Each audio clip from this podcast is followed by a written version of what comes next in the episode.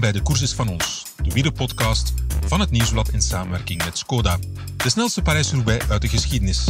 U en ik hebben een speedpedelec nodig om met 45,8 km per uur te fietsen. De renners deden dat op een gewone koersfiets. Wel eentje van 12.000 euro natuurlijk. 257 kilometer, waarvan 55 kilometer kasseien, reden ze in 5 uur en 37 minuten, alsjeblieft. Ineos Grenadiers wachten niet op de kasseien voor het spektakel. Met nog 200 kilometer te gaan reden ze weg van favorieten als Van der Poel, Van Aert en Asgreen en die zouden pas 2,5 dolle koersuren later terugkeren. In de finale van deze moordende Parijs-Roubaix stak de Nederlander Dylan van Baarle er bovenuit. Wout van Aert won de sprint voor de tweede plaats. Stefan Koen werd derde. De nobele onbekende Tom de Vriend van Intermarché, Vanty Gobert, werd na een knappe koers vierde. Tom Bonen en Wout van Aert zijn twee Kempenaars die goed over kasseien kunnen rijden. En wij hebben twee streekgenoten van hen uit onze nieuwsbladstal gehaald.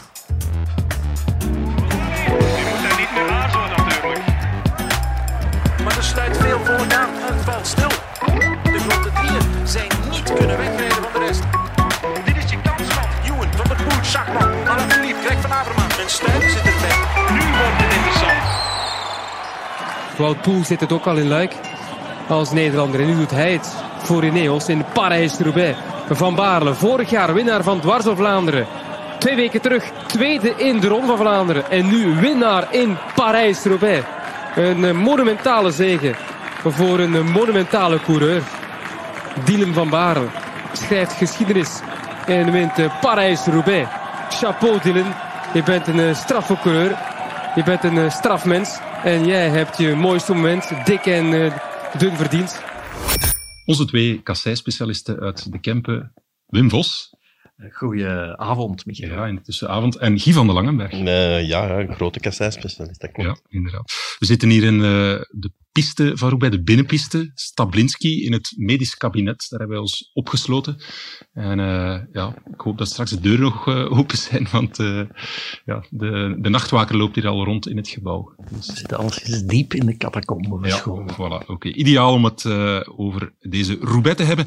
Laten we beginnen bij de winnaar, Dylan van Baarle, Nederlander. ja, misschien niet de naam die met stip genoteerd stond, maar langs de andere kant ook geen verrassing, denk ik. Nee, zeker geen verrassing, denk ik. Als je kijkt naar hoe sterk Ineos was de voorbije week, eigenlijk al de voorbije maanden. Ze winnen eerst in de Amstel door een collectief overwicht. Ze winnen Brabantse Pijl door een collectief overwicht. Ook vandaag was ze weer collectief heel sterk en Van Baarle was dan van dat collectieve geheel de beste, denk ik. De beste in koers to koers. Verdiende winnaar, Guy? Absoluut. Uh, als je met bijna twee minuten voorsprong wint en met heren als Stefan Koen en Wout van Aert achter u rijdend, ja, dan hoeft er zelfs de vraag niet gesteld te worden. Ik bedoel, dan heeft de beste in koers gewonnen. Ja. Wat weten wij over Dylan van Baarle? Wat voor renner is hij? Ik denk iemand van de, een beetje de geleidelijke groei. Uh, hij zal hij wordt 30 volgende maand, heb ik op Wikipedia gelezen daarnet.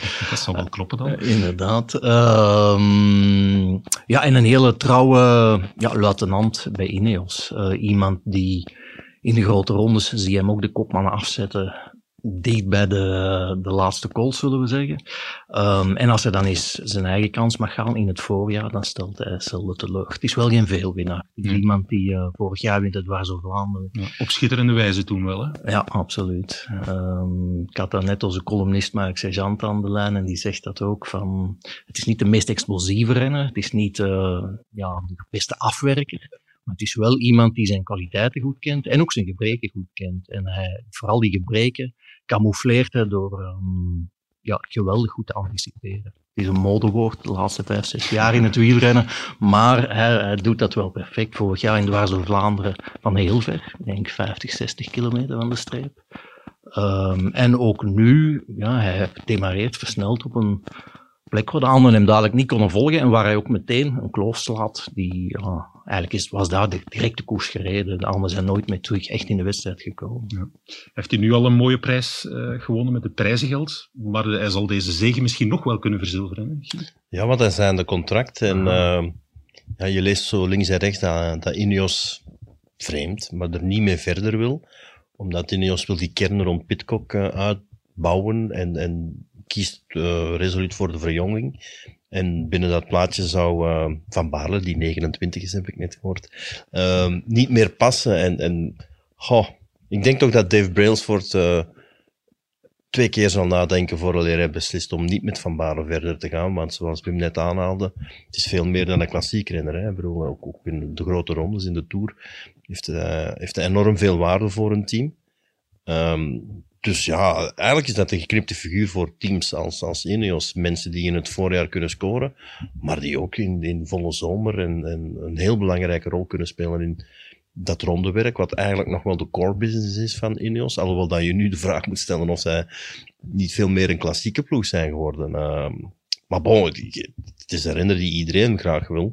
En Jumbo-Visma uh, zou volgens uh, bepaalde Nederlandse bronnen uh, in zeer geïnteresseerd zijn. Maar Jumbo-Visma zegt dan weer zelf dat team UAE uh, in polepositie ligt. Dus dan, dan begrijp je ook al meteen over wat kaliber renner we spreken. Hè. Ja, als, ja. als M, Jumbo-Visma en team UAE uh, interesse hebben, ja, dan, dan weet je dat je echt over een, een, een topper bezig bent. Ja, oké. Dan een andere renner die zowel in het klassieke werk als hulp in de grote rondes uh, zeer goed is. Wout van Aert, die wordt Ja. hier tweede. Ja, en hij was er heel blij mee. Ehm, ja, kan je blij zijn met een tweede plaats in Roubaix? Ja, blijkbaar wel. Ook zelfs al, al ben je Wout van Aert en, en draait het eigenlijk allemaal om binnen. Maar enfin, we kennen zijn voorgeschiedenis, we kennen de coronabesmetting. Ehm, de twijfels die er waren of hij überhaupt zou kunnen starten. Hij is dan toch gestart. Ehm werd wel wat mist ge, ge- gespuit over welke rol hij zou hebben. Maar Want voor alle duidelijkheid, hij had wel een beschermde rol hè, in deze koers. Dat hebben we wel gezien. Hij zat in het wiel van zijn ploegmakkers en niet omgekeerd. Hè. Ja, maar heel vroeg in de wedstrijd, toen die, die breuker kwam na 60 kilometer met een, ja, een beetje spel van de wind, dan zag je toch dat er vier ploegmaats vooraan zaten en dat Wout niet in die eerste groep zat. Dus dan begin je te denken van, god ja, ehm, ze leken zich daar ook niet echt veel zorgen om te maken om ja, de positie van Wout. Maar eens alles terug samenliep en eens ze op de kasseien begonnen te rijden, ja, dan zag je wel direct van, ja, is goed. Ehm alhoewel die twijfels kwamen er in, in het bos van Valers, waar hij plots leek te zwemmen. Maar dat was dan eh, het gevolg van een lekke band. Hij heeft dan ook de fiets van Timo Roze gekregen. Dan nog eens van fiets gewisseld, nog eens lek gereden. Dus ja, dat heeft dan wel krachten gekost.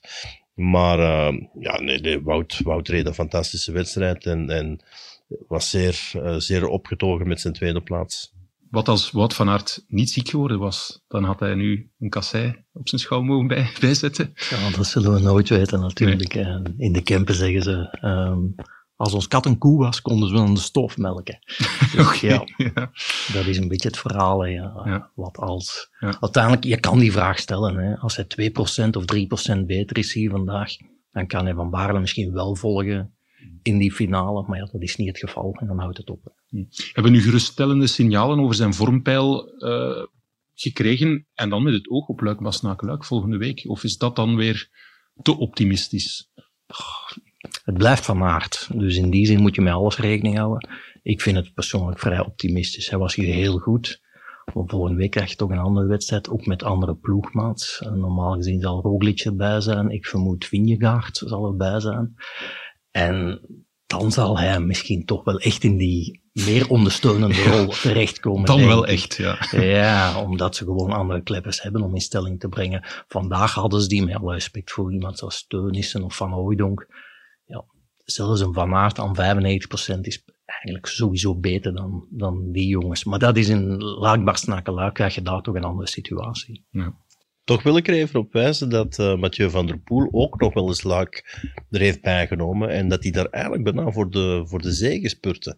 Dus ik acht Van Aert niet kansloos. Ehm, hij wil dat rijden, eh, hij wil die wedstrijd rijden omdat hij ja, mentaal nog, nog energie heeft. Ehm en moest hij Vlaanderen en Amstel wel gereden hebben, zou hij hier nooit Luik bij pakken. Maar nu wil hij echt, ja, al dat werk dat hij de voorbije maanden gedaan heeft, hij wil er een zeker rendement voor zien en hij wil ook echt wel eens uitproberen hoe ver hij erin kan geraken.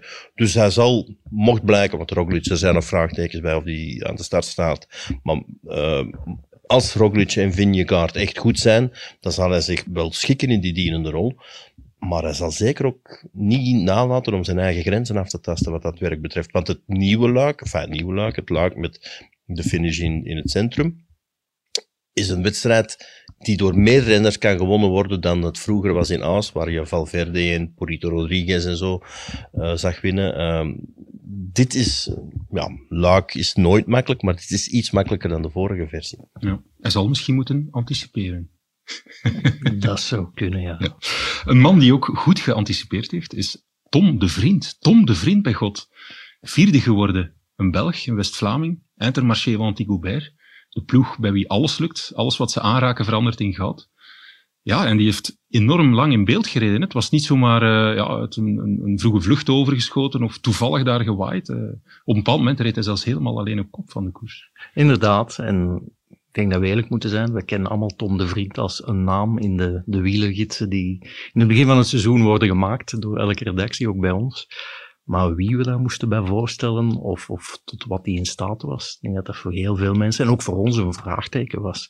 En vandaag denk ik dat hij iedereen verbaasd heeft, inclusief zijn eigen ploeg, vermoed ik. Want ja. uh, vierde woorden in Roubaix, weinig gegeven. Wat weten we over hem? Ik heb wel eens gelezen dat hij een, een veldritverleden een beetje heeft. Uh, dat weet je al meer dan ik. Ja, ja, ja, dat heb ik gevonden. Het, gaat heel ver terug. Maar dat is het enige wat ik ook weet. Wel, ik heb net met onze collega Jan-Pieter de Vliegen, die nog naastig aan het werken is, gesproken. En die heeft er een paar telefoons voor gedaan. En het uh, blijkt iemand te zijn die vijf, zes, zeven jaar geleden uit het continentale circuit komt. Uh, heeft gereden bij de opleidingsploeg, of wat toen de opleidingsploeg van Patrick Lefevre was. Ja. Nadien bij 3M, zo kortstondig continentaal ploegje geweest. En blijkbaar uh, moet hij daar wel getipt zijn door Patrick Lefevre aan Hilaire van de Schuren, die toen voor um, het huidige Eindemaché mm. op zoek was naar uh, renners. Waarop Hilaire zou gezegd hebben van, um, het is goed, um, wij zoeken renners en hij kost niet veel. Dat mag je komen. ja, en voor de rest valt eigenlijk heel weinig over de jongen te zeggen. Hij zou een zeer goede klik hebben met Alexander Christophe dit jaar. Dat hoor ik wel. Um... heeft lange haren ook, heb ik. Blijkbaar, blijkbaar. En onder andere Christophe uh, ja, ziet in hem de ideale knecht eigenlijk. Uh, quote van Christophe, als ik ergens sta te plassen, dan staat hij onmiddellijk op mij te wachten. Zelden gezien van een knecht, zo loyaal. ja. Uh, ja, en vandaag heeft hij zijn kans gegrepen om eventjes nationale roem te hebben, denk ja. ik. Ja, klein sprookje. Ja, ik weet ook dat het iemand is waarin Hilaire wel altijd geloofde. En waarvan Hilaire altijd zei van, eigenlijk kan hij veel meer dan wat hij laat zien. Want Hilaire is er niet altijd even content over geweest, omdat er veel meer in zat dan wat eruit kwam. Uh, maar het feit ja, dat hij hier mocht starten, bedoel, dat betekent wel dat hij bepaalde kwaliteiten heeft. En dat heeft hij inderdaad vandaag uh, ja, op, op een fantastische manier getoond. Ja, hij is ook al een aantal jaar bij die ploeg, dus hij moet toch wel iets laten zien hebben. Al is het dan intern, misschien niet voor de buitenwereld, maar binnen de ploeg moet dan toch zijn waarde gehad hebben. Want uiteindelijk blijft het wel een, uh, een, World Tour ploeg met budgetten waarin er geld kosten. Ja, je houdt ook niemand aan boord. Uh, voor zijn, uh, hoe zeg je dat, voor zijn schone ogen. of zijn lange haren. Of zijn lange haren, voilà, inderdaad. Zeg, en Intermarché, want die Gobert Materio, zo moeten we het zeggen, een beetje de revelatie van het voorjaar. Ja, absoluut. En dat waren ze eigenlijk al voor deze wedstrijd. Ze winnen met Girmay Gent-Wevelgem, ze winnen met Christophe de Scheldeprijs. En als je vandaag in de uitslag gaat kijken, dat is samen zelf eens opgezocht, een half uurtje geleden. Ik dacht zes renners bij de eerste 23, vijf renners bij de eerste 19. Ja, dat zijn onwaarschijnlijke cijfers. Er is geen enkele andere ploeg uh, die dat kan voorleggen om collectief zo sterk te zijn. Hmm. En dan ook als je die namen kijkt, uh, Guy spreekt me tegen, maar Adrien Petit, Andrea Pascalon, uh, oké, okay, Alexander Christophe is dan wel een naam, maar ja, Tom de Vriend opnieuw. Um, Baptist Plankaart zit bij die zes renners, bij die eerste 23. Ja, met alle respect, maar dat zijn heel modale namen. En ja. Ja, die komen nu ineens allemaal bovendrijven. Het is, het is, het is bijna een mirakel. De zesde man was Taco van der Hoorn, dus Taco is meer dan Mexicaans eten. Ja, inderdaad. Wat is nu de, het geheim of de verklaring voor die metamorfose? Want het was toch een beetje een ploeg vorig seizoen, met alle respect, waar de motor een beetje in zat. Uh, en plots ja, zit daar een, een frisse wind die daar waait. Ja, als we een beetje in de entourage van de ploeg horen, dan zou die vooral te danken zijn aan Eike Visbeek. Een, um, hoe moeten we het omschrijven? Een soort performance coach, performance manager, trainer. Um, die wel een um, ja, goed werk heeft geleverd in het verleden bij Sunweb. Een ploeg die momenteel ja, een beetje in het slop zit, maar twee, drie jaar geleden wel een hype was. Met ook heel veel jong talent dat daar doorstroomde. Afgelopen jaar is hij dan uh, bij, bij de ploeg van Ilij van der Schuur binnengestroomd. En zou daar toch voor ja, een ommekeer gezorgd hebben. Ook een van de kleine dingen waarop uh, zou hameren is bijvoorbeeld dat renners heel vroeg in het seizoen al een, een jaarprogramma krijgen. Vroeger ja. was het bij Intermarché wel zo is dat renners bij wijze van spreken week na week hun plaats moesten afdwingen in de selectie voor de topwedstrijd die er dan zat aan te komen.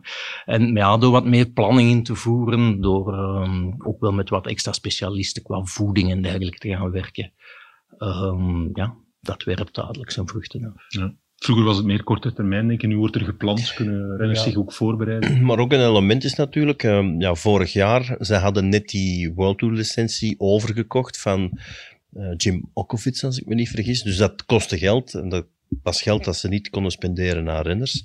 Uh, ja, nu was dat geld wel voorhanden. Plus met Vini Zabou kwam er een bescheiden, maar toch, ja, toch weer een, een, sponsor bij, een Italiaanse sponsor, waardoor dat ze wel iets meer middelen kregen. Alexander Christophe um, mag dat wel een beetje op zijn retour zijn, maar is zeker nog geen goedkoop renner. Uh, Bistreum is dan meegekomen, dus ja, alles ze hebben wel een beetje kunnen investeren, ze hebben die kern kunnen versterken, ze hebben ook uh, beste renners wel kunnen houden, want ik weet niet, is er iemand weggegaan? Bij mij weten niet. Ja. Dus, dus ja, allee, het fundament is iets breder geworden en dan kan je ook een, een mooier huis bouwen, blijkbaar. Ik heb meegeluisterd met de interviews, de verschillende interviews met Tom de Vriend, die natuurlijk druk gesolliciteerd was en alle tijd nam om de media te woord te staan. Zijn, het waren meer dan five minutes of fame. En hij verwees daar ook naar, inderdaad, naar dat, dat er een goede sfeer is in de ploeg door ja, die goede resultaten en zo, dat hij dat ook wel meedraagt. Dus blijkbaar bestaat dat wel, is dat niet alleen een fabeltje. Ja, je zag dat nu ook wel in een volle finale. Ik denk dat het Adrien Petit was, die lekkerheid. Ja, een renner die dan vindt dat hij zijn wedstrijd gereden heeft, niet meer in aanmerking komt voor echt dat podium of die grote ereplaats, ja, die laat het gaan. Ja, ja. Maar ja, hij doet dan nog alle moeite om terug te komen. Gaat dan een beetje vooraan nog wat in de weg rijden om de vriend die dat dan nog in de, in de ontsnapping zat, vermoed ik dan wat beschermen. Enfin, je ziet wel, ze plooien zich ja. dubbel. Iets wat ze misschien in andere situaties veel minder uh, snel zouden doen. Een ploeg die ja, niet echt in de flow zit, is uh, Quickstep Alpha Vinyl.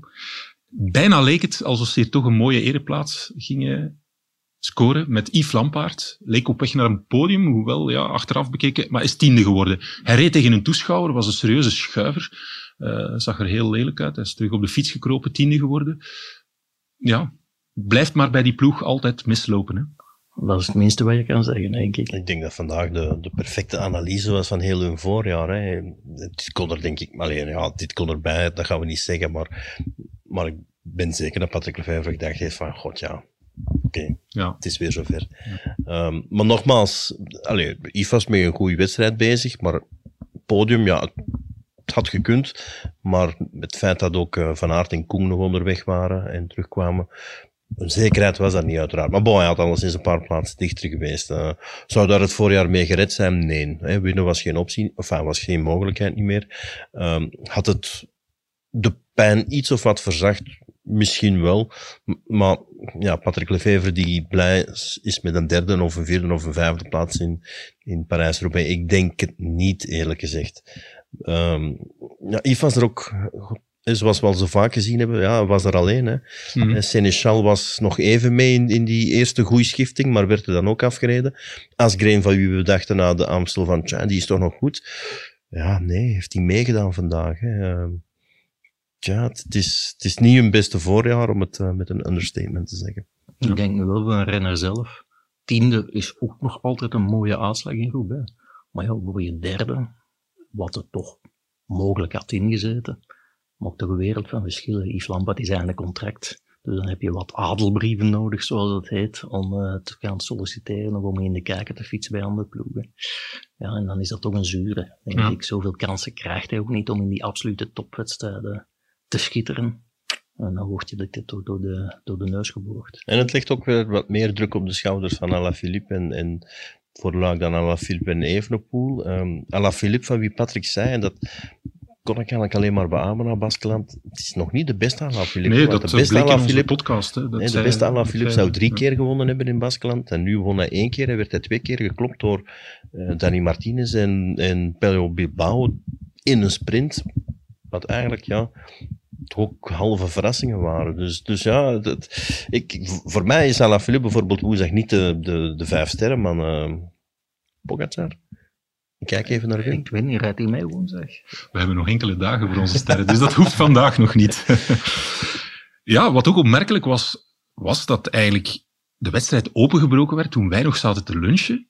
Eh, maar we hebben het wel gevolgd met een half oog. Ehm, heel vroeg, nog voor de kasseien eigenlijk moesten beginnen. Dat is wel eh, opmerkelijk natuurlijk. Dat is opmerkelijk. En ik denk dat dat vooral de laatste jaren een beetje een trend is. Vroeger, of misschien bestaat alleen in mijn hoofd dat beeld, maar had je toch zoiets van, ja, het werd wel, uiteraard werd er wel gekoest, ook voor het bos van Wallers, maar het was een beetje wachten tot die aanloop naar het bos van Wallers, een beetje positie kiezen richting dat bos. Ja, dan vol over die kasseien. En na het bos van Wallers was er een grote schifting gebeurd. En dan kon de echte wedstrijd beginnen. Dat was zo'n beeld, beetje het beeld van Roubaix dat ik altijd in mijn hoofd had. En de laatste jaren zie je dat er eigenlijk al, ja, al favorieten weg zijn. Lang voor het bos van Wallers. Dat er echt al gekoest wordt vanaf de eerste. En niet, vroeger was dat dan om mee te zijn in de vroege vlucht. Maar nu wordt er echt al ja, strijd geleverd tussen de favorieten. Bij wijze van spreken in de, in de eerste 60, 70, 80 kilometer van de wedstrijd. Ja. En ook vandaag weer. Dat was weer het geval. En dan was het vooral onder impuls van eh, Ineos Grenadiers, die met de volledige ploeg in, moeten we het een wire noemen, de eerste wire, het eerste peloton zaten. Van Aert, Pedersen, Stuiven, Van der Poel, die waren allemaal niet mee. En ja, die voorsprong liep toch uit tot, tot de minuut 20, zoiets. Dan denk je toch eventjes van, dit is niet, niet zo'n goede situatie. Achteraf is dan wel gebleken, alles was wel samengekomen. Het was misschien een beetje een maat voor niets, maar toch, toch wel een, een schrikmoment, denk ik, daarachter. Ja, het was geen maat voor niets hoor. Ik bedoel, ik, ik hoorde eh, Jasper Stuyven bijvoorbeeld zeggen, ja, we hebben wel wat ploegmaats moeten opsoeperen die we liever eh, later in de wedstrijd hadden gebruikt. Ehm, het was ook niet echt een wire. Eh, Wout zei ook van, we, we waren om het rondrijden en ik zat goed gepositioneerd, maar het, het, ja, het, het draaide wat rond en plots Mhm. zat ik wat verder en ineens was er een breukje. Blijkbaar is er ergens dan ja, een, een, een klein gat gevallen. En dan begonnen ze in die tweede groep aan elkaar te kijken en voor eerst het te goed wisten, hadden ze 45 seconden aan hun broek. En dan is het een kwestie van, ja, hè, hoe gaan we het organiseren? Ja. Van Aert zat eigenlijk in een vrij comfortabele positie, want eh, vier man vooraan. Dus die moesten niet rijden, want ja, Ineos was al het werk aan het doen. En, en hij achteraan kon zich schuil houden achter het feit dat hij vier renners vooraan, vier ploegmaats vooraan had zitten. Dus, ehm, maar het maakt de machtsontplooiing van Ineos alleszins niet, eh, niet minder spectaculair. En uiteindelijk winnen ze de wedstrijd. Kan je allemaal toeval noemen, maar, toch een gelukkig toeval. De winnaar heeft altijd gelijk natuurlijk. Hè. Stel je voor dat eh, Ineos de koers niet wint, dan zeggen we misschien, ze hebben al heel vroeg hun lucifers verbrand en ze komen Ja, niet te maar kort in de finale. Als je weinig kijkt vuur in de echte finale, zit bijna elke ploeg zit geïsoleerd. Hebt nog één renner in, die, in de voorste gelederen op twee ploegen na. En dat wordt dan het, opnieuw het eh, fantastische Intermarché. En Ineos. Dus ja, ik kan niet zeggen dat ze in, vroeg in de wedstrijd blijkbaar dan toch niet zoveel renners opgesoupeerd hebben. Als je uiteindelijk toch weer twee over hebt. Wat andere ploegen niet konden zeggen. Voilà. Ik denk dat we hier gaan afsluiten voor het kabinet, het medisch kabinet van eh, de piste Stablinski wordt gesloten. Dat we toch eh, vroeger eh, buiten zijn. We hebben de sterren voor eh Luik woensdag. Dus nog even tijd om na te denken wie de vijf sterren favoriet wordt. Maar ik hoor al dat het Alaphilippe niet zal zijn. Ja, het is, hij wint natuurlijk woensdag. Hè. Dan, dan, dan moeten we misschien onze mening bijstellen. Maar, maar ik denk niet dat hij woensdag in de, in de Waalse pijl gaat winnen. En dan ga je toch moeten concluderen dat, dat die rol van topfavoriet niet voor, eh niet voor Julian is, maar misschien wel voor Remco Evenepoel. Ben Turner rijdt niet mee, dus eh, daar, daar hoeft hij ook al niet naar om te kijken. Dus, eh, Kijk, Guy, je bent er al mee bezig. ja, ik, dat- uiteraard vooruit denken, Michael. Dat is Guy, bedankt. Graag gedaan. Wim Vos, bedankt. Zeer graag gedaan. Goed, en in het tweede gedeelte gaan we met onze vrouwenwielrennen-specialist Werner Boulet terugblikken op de vrouweneditie van Parijs-Roubaix. Je gezin is net als een wielerploeg. We moedigen elkaar aan. En we weten dat we met de tips van onze ploegleider we alle kansen hebben om echte kampioenen te worden. Skoda, supporter van de grootste fietsfamilie. En we hebben een winnaar van onze fantastische prijs geschonken door Skoda. Er waren heel wat gegadigden voor het VIP-arrangement voor de zesde toeretappe En de winnaar is geworden Lorenzo Bergmoes. Proficiat Lorenzo. Jij mag op 7 juli iemand meenemen voor een onvergetelijke dag in de Tour de France met Skoda.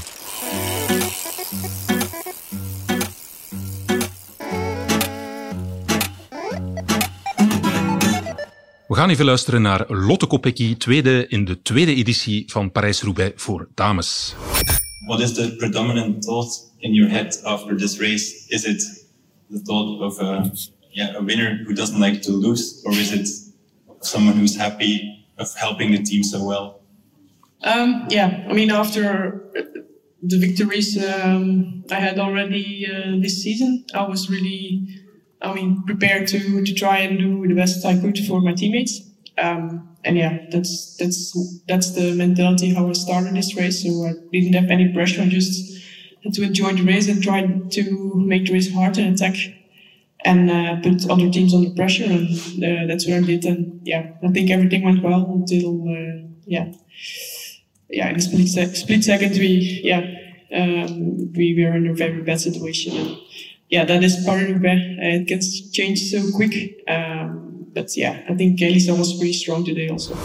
Ziezo, dat was Lotte Kopecky. En bij mij heb ik onze specialist vrouwenwielrennen van het nieuwsblad, Werner Boulet. Dag Michael. Dag Werner. Ja, een tweede plaats voor Lotte Kopecky. Dat is misschien de meest ondankbare plaats. Bon, het is discussie of de vierde dan wel de tweede plaats de meest ondankbare plaats is. Ja, maar dit is toch een gemiste kans voor Lotte Kopecky om, om geschiedenis te schrijven. Ze wint de Strade Bianche, ze wint de Ronde van Vlaanderen en ze had een perfecte hattrick kunnen scoren met ook eh, Parijs-Roubaix. En dan had ze de drie mooiste voorjaarskoersen gewonnen. Eh, maar het is eigenlijk onbegrijpelijk dat SD Works heeft beslist om haar niet te laten starten als kopvrouw. Eh, dat was Chantal van den Broek-Blaak. Ja. En zelfs Christine Majerus stond een trede hoger. Hoe komt dat? Ja, dat is een beetje onbegrijpelijk, maar ze wilden eh, Chantal van den Broek-Blaak, eh, die al heel veel gewerkt heeft dit voorjaar, onder andere voor Lotte Kopecky in de Ronde van Vlaanderen, proberen naar de zegen te loodsen, omdat ze heeft al een fantastisch palmarès, is wereldkampioen, ze heeft ook de ronde gewonnen, Strade Bianche gewonnen. En ze is aan het einde van haar carrière, want ze wil eigenlijk zwanger worden. Ja. En als ze zwanger wordt, dan stopt ze. Chantal van den Broek. Chantal van den Broekplaak. Als ze zwanger wordt, stopt ze. En dan is het nog de vraag als ze zal terugkeren of niet. Dus wou heel de ploeg voor Chantal van den Broekplaak rijden. Maar in een koers als Parijs-Roubaix is dat heel moeilijk om met Ja. één kopvrouw te starten. En eh, eigenlijk in een koers als Parijs-Roubaix geldt, de aanvaller heeft altijd gelijk. En plots rijdt Kopecky met eh, twee andere vrouwen eh, in de aanval, met Marta Bastianelli en met Lucinda Brandt Ja, op 50 kilometer van op de streep 50 ongeveer. kilometer van de streep. En ze zegt, ik mocht niet eh, doorrijden, want ik was niet gestart als kopvrouw. Ja. En jij zegt, daar had ze eigenlijk wel moeten doorrijden met die twee dames. Ja, ze had nog altijd kunnen proberen om, ze, om die twee dames te lossen. Ik denk, Bastianelli had zeker gelukt. Brand misschien niet, maar die is altijd sneller. Lotte Kopecky is altijd sneller in de sprint. En eh, als ze merkt, oei, er is hier toch iemand sterker, kan ze gewoon in het wiel blijven. En eh, zeggen, ja, ze komen, mijn, mijn ploegmaats eh, zitten achteraan. En dan zat Blaak ook in een zetel. Maar ja, ze worden dan ingehaald. En op het moment dat ze worden ingehaald, gaat Longo Borghini. En Blaak maakt de verkeerde keuze om niet mee te gaan. Hm. Eh, het was Elena Cecchini van SD Works die probeerde het gat te dichten, maar dat lukte niet. En ja, de vogel was gaan vliegen. Dus in koers ja, is eigenlijk geen plaats voor sentiment. Je moet gewoon zien dat je die koers wint. En ze hebben geprobeerd bij SD Works, misschien heel sterk zijn de laatste koersen, van ja, wij kunnen bepalen wie er wint, maar zo werkt het niet. Zo kan het eventueel werken, maar dan moet je in de finale vooraan zitten met een, een overtal, met twee of drie. Ja, ja, ja. Zoals in de Ronde van Vlaanderen eh, van een Blaak demareert, eigenlijk om te winnen. Niet om Lotte Kopecky te helpen. Op dat moment demareert ze om te winnen. En Annemiek van Vleuten alleen kan nog aanpikken samen met Kopecky, waardoor ze met drie weg zijn. Maar blijft Van Vleuten zitten, dan wint eh, de Nederlands eh, de Ronde van Vlaanderen. Dus dan kan je wat, dan kan je wat gokken. Maar niet op ja, het 50 kilometer van de finish of zelfs eerder. Zeker in een koers als Parijs-Roubaix, waar er van alles kan gebeuren.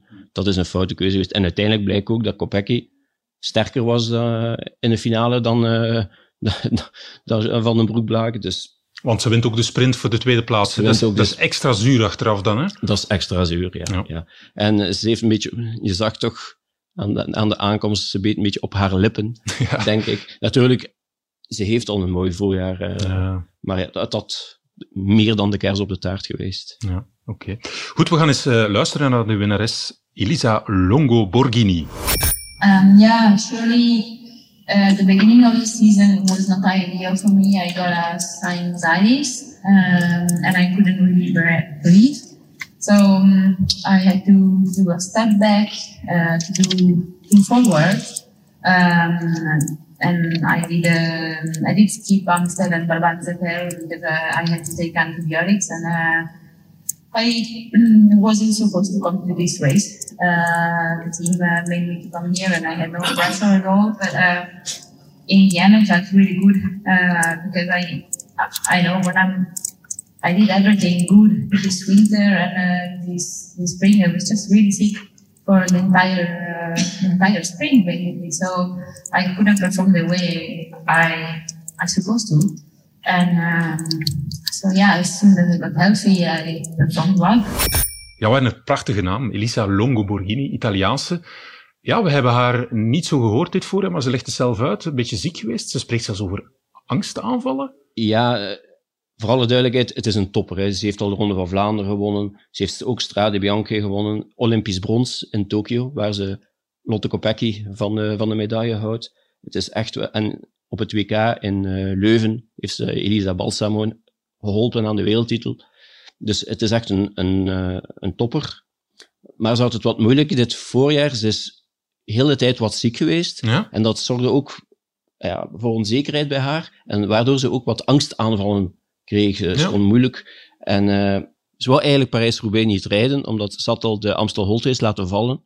Uh, omdat ze zich niet zo goed voelde. Maar de ploeg heeft haar overtuigd. En, en Hoor ik dat goed? Dus de, de uiteindelijke winnares van Parijs-Roubaix twijfelde aanvankelijk om te starten. Ze twijfelde, ja. ja. Ik denk wel dat ze sowieso had gestart. Ja. Maar die onzekerheid begon toch weer ja. op te spelen. En misschien hebben ze gezegd, ja, doe maar mee. En je ziet wel, je werkt wel voor de... Zonder stress misschien.